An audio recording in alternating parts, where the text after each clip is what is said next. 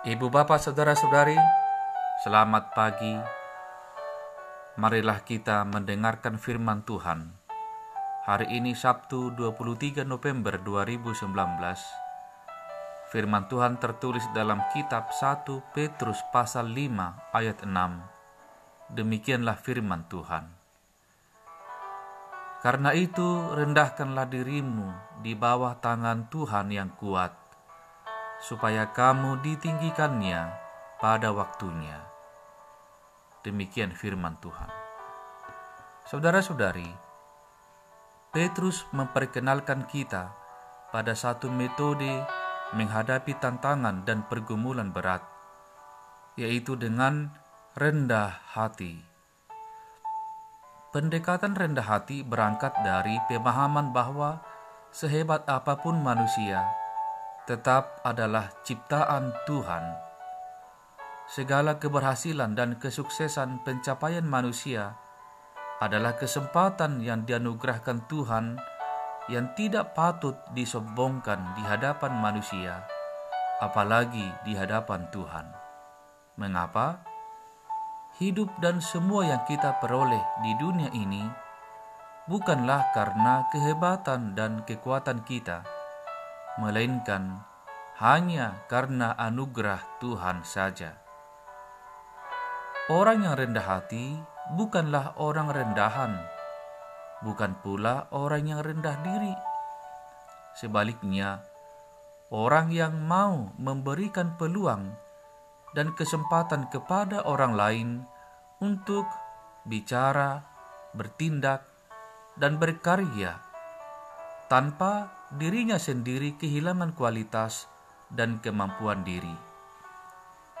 Mereka yang rendah hati adalah orang yang menyadari bahwa tidak ada hal yang patut dibanggakan di dunia ini selain bersyukur dan membanggakan anugerah Tuhan di dalam hidupnya. Memang dunia sering memandang orang yang rendah hati sebagai orang-orang bodoh tetapi di hadapan Tuhan, mereka adalah orang-orang yang patut ditinggikan. Hidup rendah hati adalah hidup yang mengaku bahwa Tuhan adalah pemilik kehidupan, dan segala yang ada padanya adalah berasal dari Tuhan. Jika kita ingin ditinggikan oleh Tuhan, maka hiduplah dengan rendah hati Sebab rendah hati adalah cara yang tepat untuk beroleh belas kasih dan anugerah Tuhan.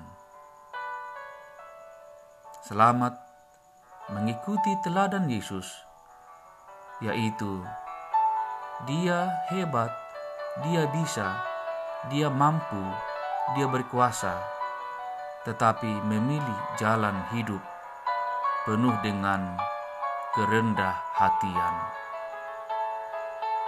Amin. Marilah kita berdoa. Ya Tuhan Allah Bapa kami, terima kasih. Firman-Mu telah mengingatkan kami untuk memilih jalan rendah hati. Walaupun kami bisa, kami mampu, kami berkuasa, kami dapat melakukan banyak hal, tetapi tetap memilih untuk rendah hati. Terpujilah namamu Tuhan. Amin. Saudara-saudari, selamat bekerja, selamat berkarya. Selamat memasuki dan mengisi akhir pekan. Besok hari Minggu ujung tahun gerejawi sekaligus peringatan saudara-saudari kita yang meninggal dunia. Marilah datang ke rumah Tuhan. Shalom.